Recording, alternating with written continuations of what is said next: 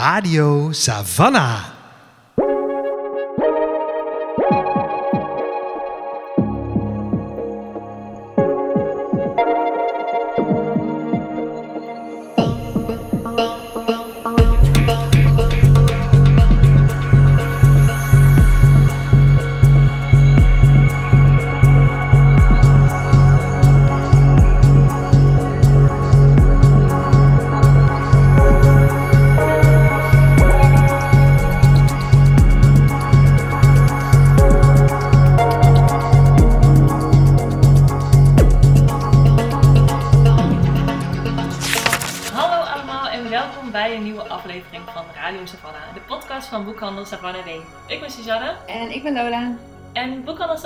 Is een onafhankelijke boekhandel in het centrum van Utrecht.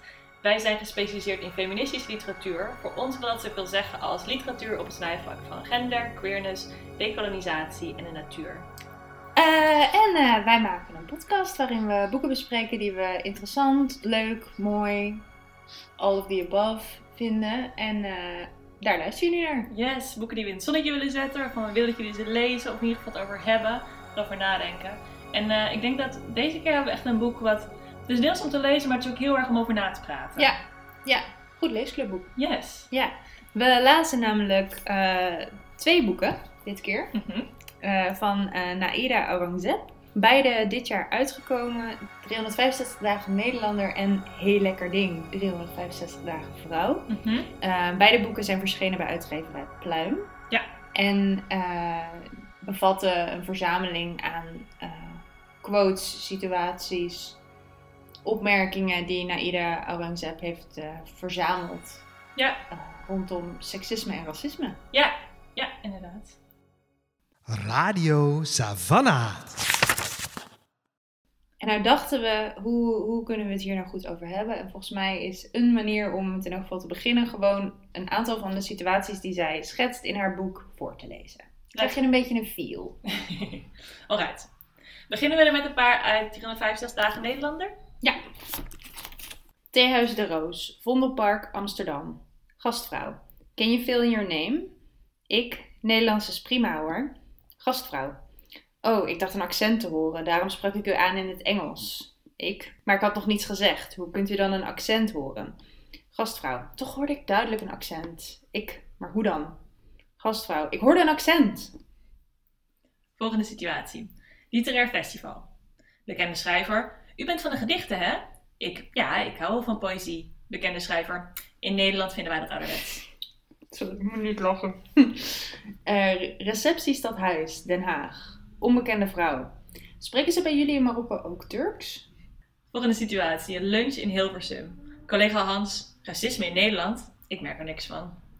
Boekhandel, Den Haag. Ik. Goedendag, ik zou graag de manager willen spreken. De manager. Wat kan ik voor u doen? Ik. Het boek van Murat Isik ligt op de plank vertaalde literatuur. Manager. Murat Isik, ja, het is geen Nederlandse naam, hè? Dan denk je automatisch aan vertaalde literatuur. En laatste dan. Eh, VPRO-redactie Hilversum. Collega Brenda.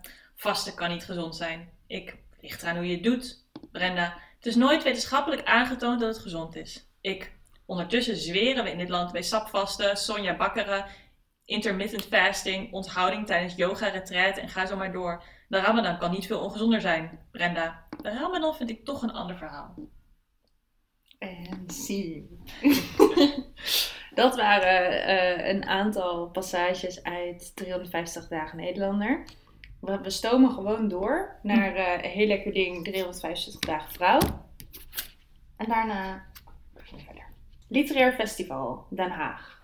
Schrijver Lucas. Het nieuwe boek van de eerste schrijver Colin McCann is werkelijk erg mooi. Ik, inderdaad, ik heb het ook gelezen. Lucas, laat me je vertellen waarom het zo goed is. Ik, je hoeft mij niet te overtuigen, ik ben een grote fan. Lucas, je moet het toch echt even horen. Ik ga het je gewoon vertellen. Na afloop van debat in Den Haag. Hoogleraar Wes. Natuurlijk ontken ik niet dat er zwarte mannen zijn die vrouwen en kinderen slecht behandelen. It's just not the right time. Ik.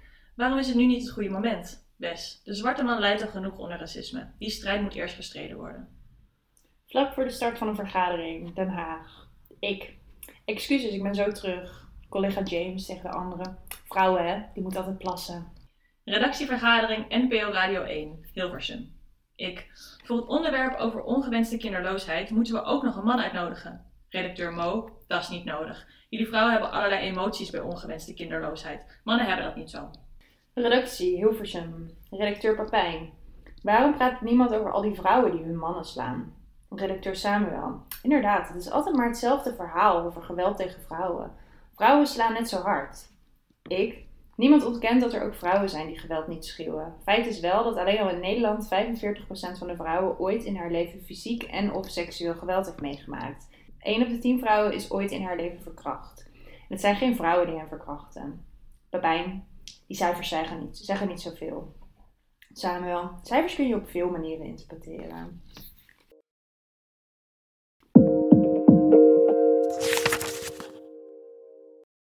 Dit was eh, letterlijk even een willekeurige selectie uit deze twee boeken. Om je een beetje indruk te geven van waar deze boeken over gaan. Eh, voordat we daar verder over ingaan, een korte achtergrond over de schrijfster. Um, Naida uh, is journalist en radio- en televisiepresentator. Ze presenteerde onder andere voor de NTR De Halve Maan en ze was co-presentator van Bureau Buitenland bij de NPO. Daarnaast was ze verslaggever op Radio 1 bij Nieuws Co. En ze publiceerde al een aantal boeken, waaronder Verdreven Palestijnen. Uh, en ze maakte de documentaire Met het gezicht naar het oosten en Kerstnacht in Bethlehem. Uh, dit jaar verschenen er dus twee nieuwe boeken van haar uit, die we vandaag als soort companion, companion reads ja. bespreken.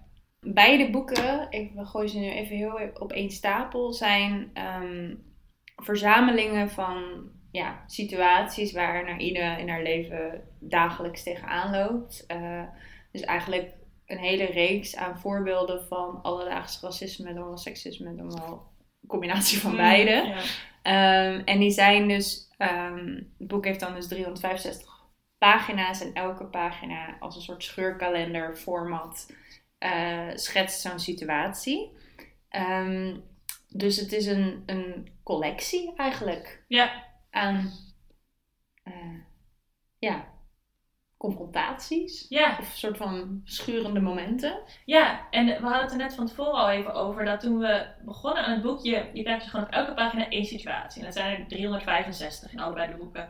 En als je er een paar gelezen hebt, dan denk je van oké, okay, ik snap ongeveer wat dit is. Maar ik wil nu even een soort voorwoord waarin iemand even uitlegt wat er aan de hand is. En dat is wat dit boek niet doet. Nee. Wat heel interessant is. Dus je wordt gewoon ingegooid en het is een soort, uh, kijk zelf maar wat je ermee doet of wat voor rol je dit boek in je leven wil laten spelen. Je krijgt niet een achtergrond van waar de situaties vandaan komen, wat Naida's eigen, of ja, mag wel Naida zeggen. Ja. wat Naida's eigen um, ideeën hierover zijn, wat de bedoeling is. Dat wat ze erbij voelde, dat is allemaal niet relevant. Het is eigenlijk heel sec. Dit werd er gezegd. Ja, inderdaad, ja. Wat een heel andere soort leeservaring maakt dan uh, je veel andere boeken die je gaat lezen. Misschien ook over dit onderwerp. Ja. Daardoor heeft het boek denk ik ook een heel andere functie. Of kan het een heel andere functie hebben. Ja. Ja. Want hoe heb jij, het, uh, hoe heb jij de boeken gelezen? Ik heb um, heel praktisch wel een paar pagina's achter elkaar gelezen. Dus zo 50, 75 pagina's per sessie, zeg maar. Mm -hmm. uh, omdat denk ik een deel van de kracht van het boek is dat het de herhaling of soort van de, de, mhm. de verschillende vertakkingen van hetzelfde kernprobleem. Uh, het boek slaagt er heel goed in om je het verband te laten zien tussen een grapje, mm. wat als grapje bedoeld is door, door iemand, en um, hele concrete voorbeelden van geweld of uh, uitsluiting. Of, ja. ja, ik heb nu aanhalingstekens, die kunnen jullie niet zien, maar grote dingen. En dat, de, de, dat, die, dat die allemaal onderdeel zijn van dezelfde structuur, voortkomen uit dezelfde structuur, daar is dat boek heel goed in. Ja. En ik denk dat door een aantal situaties achter elkaar te lezen, dringt dat meer tot je door. Ja, klopt. Want je hoorde het misschien net al een beetje in de fragmenten die we voorlaten. Het is een heel grote variatie eigenlijk van verschillende situaties. Dus het is ook telkens als je begint met een nieuw fragment, moet je weer even kijken van hoe is dit een voorbeeld van allaars racisme of seksisme of allebei. Ja. ja. En natuurlijk sommige dingen zijn inderdaad de quote-unquote grapjes die je collega's maken, waar je gewoon maar ja, waar je eigenlijk al niet meer op reageert, zeg maar. En sommige dingen zijn ontzettend grote verhalen over seksueel geweld of buitensluiting, inderdaad. Ja, ja. Dat gaat allemaal, dat heeft ze niet. Ik kan me voorstellen dat in een ander boek eh, een auteur beslist om bijvoorbeeld van heel klein naar heel groot te gaan. Ja, Van heel klein ja. te beginnen en dan laten zien van kijk, dit bouwt op naar heel groot iets. Dat is niet wat zij voor heeft gekozen in dit boek. Nee, nee. En het zit dus ook allemaal eh, door elkaar gewisseld. Eh, in, een, in een interview op de website van Brainwash ehm, vertelde zij waarom ze er eigenlijk voor gekozen heeft. Ik doe even een citaat en je vindt het volle artikel in onze show notes. Kimberly van den Hengel, die haar interviewt, die stelt haar de vraag... Lichtere anekdotes over misplaatste grappen wissel je af met ernstige verhalen over geweld en misbruik van vrouwen. Hoe hangt dat samen? En dan vertelt Naida het volgende. Onderzoekers noemen dit de piramide van geweld. Zware vergrijpen als verkrachting en femicide kunnen alleen als je in de basis vindt dat vrouwen zich op een bepaalde manier moeten gedragen. Het kwaad zit er al in dat wij 2 euro minder zakgeld krijgen, want daarmee zeg je dat wij minder waard zijn. Het zijn graduele stappen. En dan vertelt ze nog verder over hoe dat zich maar op kan bouwen. Maar dat is denk ik ook de kracht van, dit, eh, van deze boeken. Is dat ze laten zien eh, dat deze hele grote problemen... Want dat laat ze niet direct zien, want ze levert dus geen commentaar. Maar ze geeft je een soort van aanwijzingen waarop je zelf kan realiseren. eh, dit zijn niet ja, kleine incidenten, zeg maar die kleine microaggressions waar we over hebben, of alledaags racisme of seksisme waar we het al langer over hebben. Samen, als je dat maar vaak genoeg over je heen krijgt, dan wordt dit steeds groter en groter. En ik denk dat dat ook inderdaad afhangt van hoe je dit boek leest. Ja. Je zou het als een soort van, bijna een soort scheurkalender kunnen lezen, iedere dag eentje. Dan heeft het denk ik niet hetzelfde effect als dat je je ertoe zet om hier gewoon een uur lang dit op je af te laten komen. Maar heb jij dat ook gedaan? Ja, ik heb het wel gedaan. Ik, heb het, ik ben begonnen eerst met er een paar te lezen. Dus ook was een beetje, ik had het boek net eh, gepakt. En ik ging thuis, ik was aan het koken. En dan ging ik zo tussendoor even een paar lezen. En op een gegeven moment merkte ik, toen ik er zo tien of zo gelezen had, van... Oh, volgens mij is dit niet de bedoeling van dit boek. Want dan gaat het eigenlijk een beetje langs je heen. Ja. Dus toen heb ik besloten, oké, ik moet gewoon gaan zitten. En toen heb ik hem in twee sessies heb ik hem Ja. gelezen. Ja. Ja. Ja. Ja, dat was ook mijn strategie. Ja. Dat, eh, ja. Ja, en je merkt wel inderdaad dat het, eh, dat, dat het eh, wat met je doet. Ik had natuurlijk het boek over 365 dagen vrouw, eh, las ik op een andere manier dan 365, da- 365 dagen Nederlander. eh, als witte vrouw zijnde, in Nederland wonend. Het boek van 365 dagen vrouw merkte ik echt dat, het, dat ik er geïrriteerd van raakte. Dat ik ook, als mijn vriend me dan iets vroeg, dat ik geïrriteerd naar hem was. Omdat het gewoon helemaal onder mijn huid was gaan zitten. Dat, het zijn zaken die je natuurlijk herkent. En op een dagelijkse, in je dagelijks leven heb je daar allemaal strategieën voor, voor hoe je daarmee omgaat. Maar dit is zo'n bombardement Ja. dat het echt wel even weer, dat je er niet omheen kan. Ja. Ja. Punt. Ja. Ja. En 365 dagen Nederlander las ik natuurlijk anders. Met ook een emotionele reactie en met een geagiteerde reactie. Maar natuurlijk veel meer ook met eh, momenten van eh, behoefte aan zelfreflectie. En kijken hoe, ja oké, dit doet iets. Waarom doet het iets met je? Wat moet je daarmee? Dat is een heel andere soort van lezing. Dus ik denk dat iedereen dit boek wel anders leest. Ja, er komen andere emoties naar boven. Ja. ja, ja. Ja, ik merkte ook wel dat het eh, dat ik het meenam in mijn week Mm. of zo. Dat, dat, eh, als, ja, dat zijn dus situaties waar die denk ik op de achterkant van 365 dagen vrouw staat. eh, feest van herkenning is nog nooit zo'n beladen term geweest of zo. En dat is het dus wel. Dus, dus terwijl ik dit aan het lezen was, had, kwamen er ook situaties die in het boek ook beschreven worden terug in mijn leven. ja. En dan was ze er wel, Naida. Ja. Dat, ja, dat zei hij ook. En wat vind ik daar nou eigenlijk van? Ja. Het landt wel ergens anders. Ja. En dat vond ik wel knap, want het zijn allemaal... ehm, als je een beetje bekend bent met feminisme en alledaags seksisme en racisme en wel- hoe, we daar, hoe daarover nagedacht wordt. En als je, zeg maar, als je het herkent als zijnde alledaags seksisme, Mm. eh, dan staat er in dit boek niet per se heel veel nieuwe informatie of zo. Dus er Mhm. zit echt iets in de collectie, in het, in het maken van zo'n collectie, wat iets doet. Wat ik wel boeiend vind. Ja. Ja, en het is ook omdat binnen feministische discussies hebben we toen op een gegeven moment, zeg maar zo'n vijf jaar geleden, was alledaags racisme en alledaags seksisme waren termen die, waar we heel veel mee bezig waren. En ook dus een soort van eh, reflectiemomenten in je eigen week. Om te kijken hoe dat eigenlijk jouw eigen leven vormgeeft. Zowel als, zeg maar, eh, object als als subject, zeg maar. Ehm, en dat is nu weer een beetje, voelt bijna naar de achtergrond verdwenen. Alsof we het idee hebben van, oh, daar hebben we het al over gehad. Ja, dat weten we nu toch allemaal. Ja, Ja. maar de realiteit is natuurlijk niet echt veranderd. Nee. Dus het was ook maar even een uitnodiging om hier gewoon weer even bij stil te staan. Tenminste, Ja. zo heb ik het heel erg ervaren.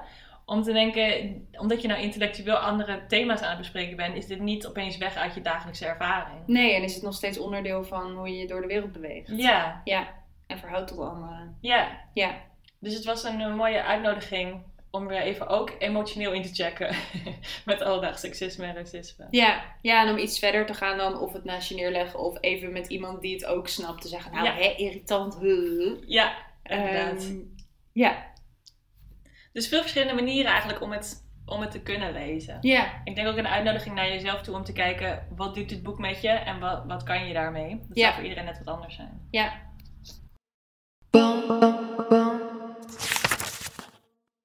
Wat ik wel interessant vond en wat inhaakt op, op eh, zowel dat er dus geen context eigenlijk in het boek zelf zit, geen introductie, geen inleiding, geen nawoord van, van de auteur, als met dat idee van, oh ja, we hadden het een paar jaar geleden heel veel over alledaags seksisme en nu eigenlijk minder, was dat ik me zeker aan het begin van het lezen wel afvroeg waarom dit boek er is. Hmm. Eh, waarmee ik het niet af wil schrijven, maar het was gewoon een, een vraag die me opbol, bij me opborrelde. Van, Mhm. oh ja, hoe, hoe en waarom? Mhm. Ehm, en nou heeft Naida Orangzeb daar natuurlijk over gepraat. Ehm, dus zij, eh, in eerste instantie in een interview met Trouw, wordt haar dus ook deze vraag gesteld over de 365 dagen Nederlander. En dan zegt de interviewer, waarom besloot u om deze opmerkingen te gaan verzamelen? En dan zegt zij, een vriend tipte me tijdens een van de coronawandelingen die we samen maakten. Hij zei, hij zei, je maakt zoveel van dit soort dingen mee, daar moet je iets mee. Ik was daar niet meteen van overtuigd, maar toen kwam ik er bij de Japanse shiatsu-therapeuten achter dat mijn keel dicht zat. Ik kon gewoon niet meer praten. Mijn therapeute zei, wat zeg je niet hardop? Nou, dit zei ik dus niet hardop. Ik moest eerst dit boek maken voordat ik andere dingen kon doen. Het gaat ook niet alleen om mij. Het gaat, eh, iedereen die van kleur is, krijgt hiermee te maken. Ja, mega interessant. Ja, zeker. ja, ook ontzettend tragisch natuurlijk. Ja. Ja. En ook weer een terugkoppeling naar wat we net zeiden. Dit boek is ook met name emotioneel interessant, hoe het je raakt. Dat deze structuren en die ideeën waar we op abstract niveau over praten, gewoon echt natuurlijk in je lichaam gaan zitten. Ja. En Ja. dat idee van fysiek eigenlijk niet meer kunnen praten, doordat dit zich zo opkropt, het zwijgen wat je is opgelegd of wat je jezelf ook deels oplegt. Dat dat zo samen kan hangen inderdaad. Ja. ja, en ook dat het dus belemmert, haar in dit geval belemmerde om iets anders te doen. Ja, Of om iets anders te schrijven. Van het moest eerst, dit moest eerst soort van soort ontgiften of zo. ja, Van dit moest er eerst uit en dan eh, daarna kunnen we door. ja.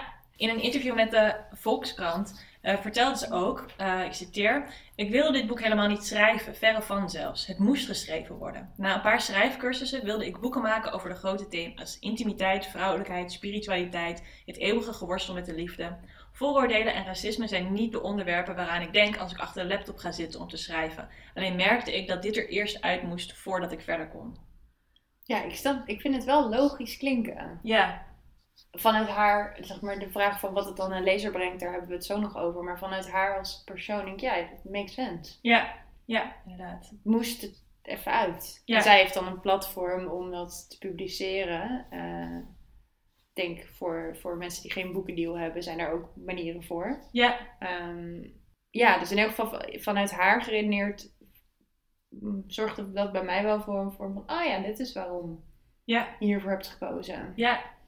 Ik vertelde voor de opname een anekdote aan Suzanne eh, over een eh, eh, interview wat een aantal jaar geleden met Valeria Luiselli was in Tivoli. Valeria Luiselli is een Mexicaanse schrijver die in Amerika woont. Zij was toen bij dat interview in Tivoli rondom haar boek Het Archief van de Verloren Kinderen, wat ging over de, het migratieproces Mhm. als je vanuit eh, Zuid-Amerika, Amerika, in Noord-Amerika, de VS in probeert te komen. Mhm. En de bureaucratie en de ontmenselijking en de mensenrechtsschendingen. Nou, Dat allemaal. En ehm, heel interessant boek trouwens. Echt Ja. super mooi. Heel mooi. Ehm, en wat zij daarover, de, de interviewer vroeg iets van: Goh, je hebt er ook al eerder over geschreven in Vertel me het einde. Hoe verhouden die twee boeken zich tot elkaar? Eh, en Vertel me het einde is essayistischer. En Valeria Luiselli zei daarover ook: Ik moest eerst dat non-fictieboek schrijven over, over de, de, de, de droge feiten, zeg maar. Voordat ik ruimte had in mijn hoofd en in mijn schrijfproces om een roman ervan te maken. En om er kunst van te maken. En om er op een andere manier naar te kijken. En daar deed dit, me, dit boek van Na- Naida Aurangzeb heel erg aan denken. Van er moest eerst iets uit. De woede, de, de eh, frustratie moest eruit. Voordat er, voordat er meer uitgezoomd kon worden. Of met een soort kunstblik naar gekeken kan worden. Ja, Naar dit soort thema's. ja. Ja, super interessant. Ook omdat je de, de werkelijkheid zit je dan een soort van zo in de weg. Zeg maar, de non-fictie zit je zo in de weg dat je niet bij die verbeelding nog kan komen. Eerst opgeruimd moet worden voordat je daar inderdaad vrij baan voor hebt. Of daar de ruimte voor hebt. Ja, en dat zal voor iedere schrijver natuurlijk anders zijn. Ja, Eh, maar ik vond dat wel meteen logisch of zo. ja, ja inderdaad. Dat, ja, je moet ergens doorheen. Ja, daar zijn deze boeken blijkbaar ook uitgeboren. Ja. Wat wel nog interessant is, ehm zij heeft dus, nou, Ida Aurangzeb heeft dus 365 dagen Nederlander eerst geschreven Mhm. over, over alledaags racisme. Ehm, en daarin blijkt ook al wel dat de opmerkingen die zij naar haar hoofd geslingerd krijgt ook vaak samenhangen met het feit dat ze vrouw is. En dat ze dus, eh, dus met het feit dat haar, dat haar ervaring, dat er een kruisbestuiving plaatsvindt tussen seksisme en racisme in haar ervaring. Dat is echt al terug te lezen in, in eh, beide boeken eigenlijk. Maar dan is natuurlijk de vraag van, oh ja, waarom moest 365 dagen vrouw er ook komen? Mhm. Zit dat niet al voldoende in het boek over racisme? Ehm, en daarover zegt ze in het interview met Brainwash het volgende. Bij mijn eerste boek, 365 dagen Nederlander, liep ik tegen anekdotes aan die niet over mijn kleur, maar over mijn gender gingen. Dus die moesten eruit. Het begon met de anekdote waarin de eindredacteur van een serieus Radio 1-programma dat ik presenteerde, het tijdens mijn afscheidsfeest alleen maar over mijn hakken heeft. Op dat feestje zei niemand iets, maar later belden collega's mij op en zeiden: Ik vond het verschrikkelijk en het kon echt niet, maar ik durfde niets te zeggen. Behalve racisme waar ik tegenaan liep, was er ook seksisme. Dit hoorde niet in het eerste boek, maar het is wel kwalijk en het gebeurt heel veel. Ja, Dus wat, dat is, ja, daarom was er voor haar toch de noodzaak om ook, hey, lekker ding, 365 dagen vrouw te schrijven. Dat alleen focussen op eh, racisme te weinig was. ja, Dat daarin te weinig ruimte was voor haar gender. ja. En is natuurlijk ook, ik bedoel, haakt in op ook weer een discussie die we al heel lang hebben over intersectionaliteit. Ja. En dat deze zaken niet los van elkaar staan. En dat blijkt uit allebei de boeken eigenlijk ook. Ja, Er zijn voorbeelden in 365 dagen Nederlander die ingaan op gender. En er zijn voorbeelden uit 365 dagen vrouwen die ingaan op racisme. Mm. Waarom denk je dat ervoor gekozen is om het toch twee verschillende boeken te laten zijn? ja ik denk, ik heb erover nagedacht, maar ik ga nu speculeren. dat het, dat het ehm, eh, te maken heeft met een soort van waar je de spotlight op zet. Of waar je het vergrootglas op legt.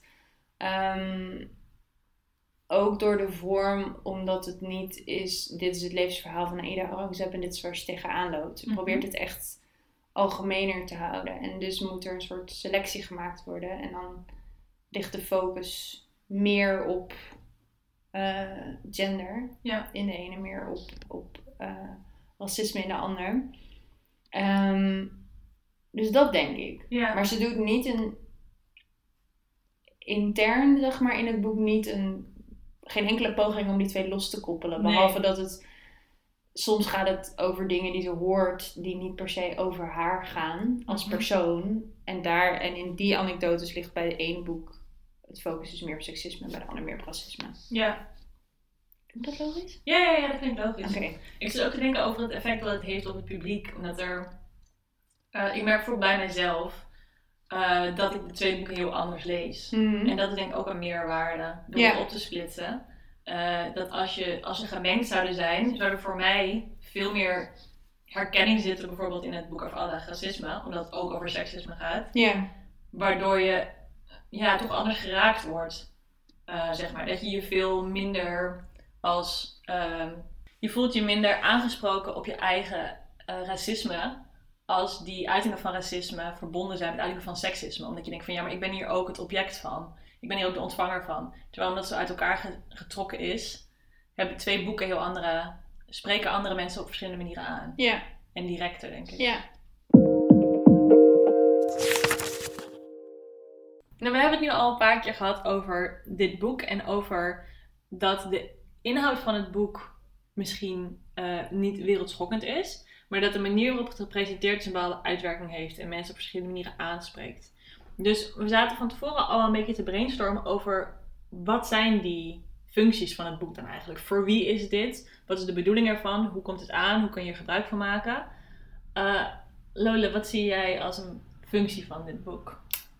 Mogelijke functie? Ja, we hebben hier verschillende theorieën over geformuleerd net van tevoren. En als je dit boek hebt gelezen en je hebt zelf andere, dan laat het vooral weten. Ehm, ik denk een van de dingen die het boek doet, is dus dat feest van herkenning, wat ook op de omslag van eh 365 dagen vrouw staat. Het idee dat jij als lezer je kan herkennen in de situaties die zij, eh, die het boek je toont. Mhm. En daarin ehm, ja, je minder alleen voelt. Ja. Toch, toch een, een bepaalde vorm van troost. Van, oh, ik ben niet de enige eh, wie dit overkomt. Ja. Of bijvoorbeeld die keer dat iemand eh, eh, een opmerking naar mijn hoofd slingeren. Dat kwam niet doordat ik een te kort rokje aan had. Maar dat kwam gewoon doordat dit gebeurt in een wereld Ja. gevormd door seksisme. Ja. En dat is denk ik niet per se wat ik er zelf uithaalde, maar wel wat denk ik waardevol is voor lezers. Ja. Dit is een gesprek wat ik heel vaak heb in de boekhandel. Met name met jonge vrouwen die naar de boekhandel komen met een soort van idee, met een soort vraag van ja, ik wil een soort boek over feminisme. Dat is een heel algemene vraag. En normaal, vaak, als we daar een beetje over doorkletsen, dan komt het gesprek erop uit dat jonge vrouwen, zijn dan met name die bij ons in de winkel komen met die vraag, ergens zit er in je buik een gevoel van boosheid, van verdriet, van schaamte, van iets waarvan je niet precies weet waar het vandaan komt. Het heeft waarschijnlijk iets met seksisme te maken, maar weet niet precies wat. Maar omdat we zo gewend zijn om te horen, joh, het was een grapje, joh, maakt, maakt er niet uit, doe niet zo moeilijk, zeg maar. Stop je dat weg. En heel vaak komen dan jonge vrouwen naar de winkel om te kijken. Die, die willen daar een soort context voor, of die willen dat begrijpen. Ik denk dat een boek zoals dit, ehm, kan dat denk ik ook beantwoorden. Je Ja. bent niet gek. Het gebeurt inderdaad, het gebeurt niet alleen jou. Dit is gewoon iets, een deel van onze werkelijkheid. Ja, en het is onderdeel van, hè, dat is weer die piramide van geweld. Van, het Ja. is onderdeel van een breder, een onschuldig grapje bestaat niet, Ja. zeg maar. In dit soort, eh, eh, rond dit soort thema's. Ja, en dus ook afhankelijk van wie je dan zelf bent, kan het dan een soort van validatie zijn, maar ook bijna een soort ja, bewijsmateriaal, Ja. archief. Ja, een archief inderdaad. Of een, een Het is een soort, eh, dit zijn gesprekken die ik steeds minder heb, maar die natuurlijk nog wel vaak gebeuren. Mm, gesprekken die je als eh, vrouw soms met mannen hebt, of als, als eh, persoon van kleur soms met witte mensen hebt. Ehm, dat er gewoon ontkend wordt dat het aan de hand is. Dus Ja. het idee, ik, ik ervaar racisme niet, dus het bestaat niet. Dan is het soms ook gewoon fijn om te kunnen zwaaien met een boek van, ja maar kijk, ja, ja. dit is niet verzonnen, dit is gewoon opgetekend. Dus bijna als een soort eh, ja, bewijsmateriaal inderdaad. Ja, en ook wel in het verlengde daarvan eh, misschien een herinnering om af en toe wel je mond open te trekken en Ja. te zeggen: Hallo, wat je nu zegt kan niet. Want als je in, zeg maar, hoe meer fragmenten je van dit boek leest, hoe meer ik althans dacht: Ja, dit kan ook allemaal niet. En wat doen we toch allemaal met elkaar? En waarom, waarom gebeurt dit nog steeds? En eh, nou ja, wat we eerder ook al zeiden, iedereen heeft denk ik op een eigen manier ehm, strategieën ontwikkeld om het leefbaar te houden. eh, wanneer je alledaags racisme of seksisme of wat dan ook, Mhm. welke combinatie daarvan dan ook eh, tegenkomt in je dagelijks leven. Eh, en in mijn geval komt dat dan bijvoorbeeld best vaak neer op gewoon negeren. Of even een grapje over maken en dan door met de dag, want anders stort ik in. Ja. Eh, maar dit was wel een goede reminder van, oh ja, maar het is niet oké. Ja. Die overlevingsstrategieën zijn ook oké. Maar het is wel een remind, ja, reminder toch dat het niet normaal is. Ja. Normaal zou moeten zijn. ja, want het maakt iets wat je normaal gesproken wegdrukt, maakt het weer even emotioneel, zeg maar. En vanuit die emotie kan je ook weer dan gaan handelen. En dat kan dus zijn inderdaad dat je voor jezelf opkomt, dat je voor anderen opkomt.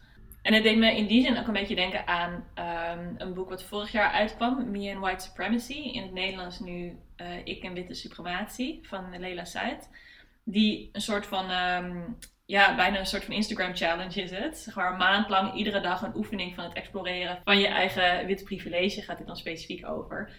En eh, dat speelt ook heel erg in met het idee van, ga nou gewoon eens serieus onderzoeken wat voor rol dit speelt in jouw dagelijks leven. En wat je daarmee wil doen en wat je daaraan kan doen. Ja. En ga die ruimte ook opzoeken en die ruimte ook pakken. En dat begint dus ook met eh, het laten toestaan van dit soort ehm, verhalen in je eigen geleefde ervaring.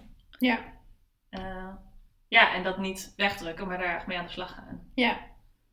Een, een, een, een andere uh, functie waar wij het ook van tevoren even over hadden van dit boek, is ook het feit dat het een boek is. Ja. Dat er, een, er hangt een bepaalde waarde aan het feit dat, dat woorden gedrukt worden in een boek. Dat heeft een bepaalde status. Ja.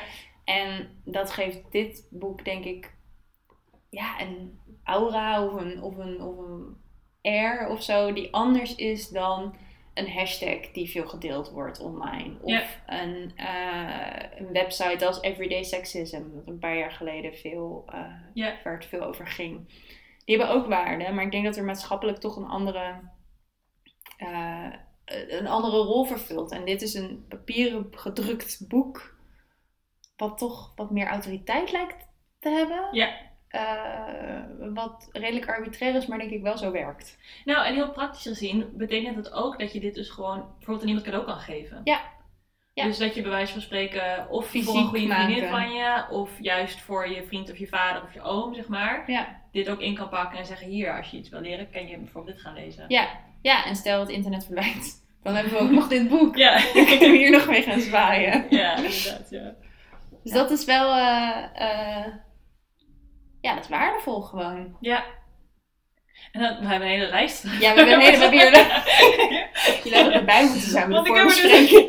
Ik heb dus nog een functie denk ik gevonden. Wat ik zelf interessant vond, is dat soms dan las ik een fragment en dan kon ik niet in direct uitleggen waarom het in het boek stond. Ehm, omdat ik niet direct herkende waarom dit seksistisch of racistisch was. En dat waren interessante momenten. Dat ik dacht, hoezo is dit seksistisch dan? Oh ja, oh god, natuurlijk, het gaat over de hakken. Oh ja, nee, het zou moeten gaan over haar vaardigheden als journalist. Oh ja, daarom is het seksistisch. Wat ook weer even een mooie soort van functie is van zeg maar een gecureerde verzameling zoals dit. Ehm, de auteur heeft natuurlijk van tevoren besloten wat wel en niet seksistisch is en wat er wel en niet in het boek komt. En doordat dat framework al staat, ga je deze fragmenten anders lezen. En word je veel meer van bewust van eh, op hoeveel verschillende manieren zo'n systeem zich uit. eh, die je misschien al helemaal niet meer herkent. Omdat je in het dagelijks leven natuurlijk niet alleen maar loopt te beoordelen wat wel en niet seksistisch is. Nee, dan word je, dan Dat word is je heel verdrietig, denk ik. Inderdaad. Ja, dus dat vond ik ook een interessante functie. En daar waren ze. Daar waren wa- Ja, dat functies. waren onze theorieën. Eh, laat weten of je er zelf nog meer... Ja, inderdaad, ja.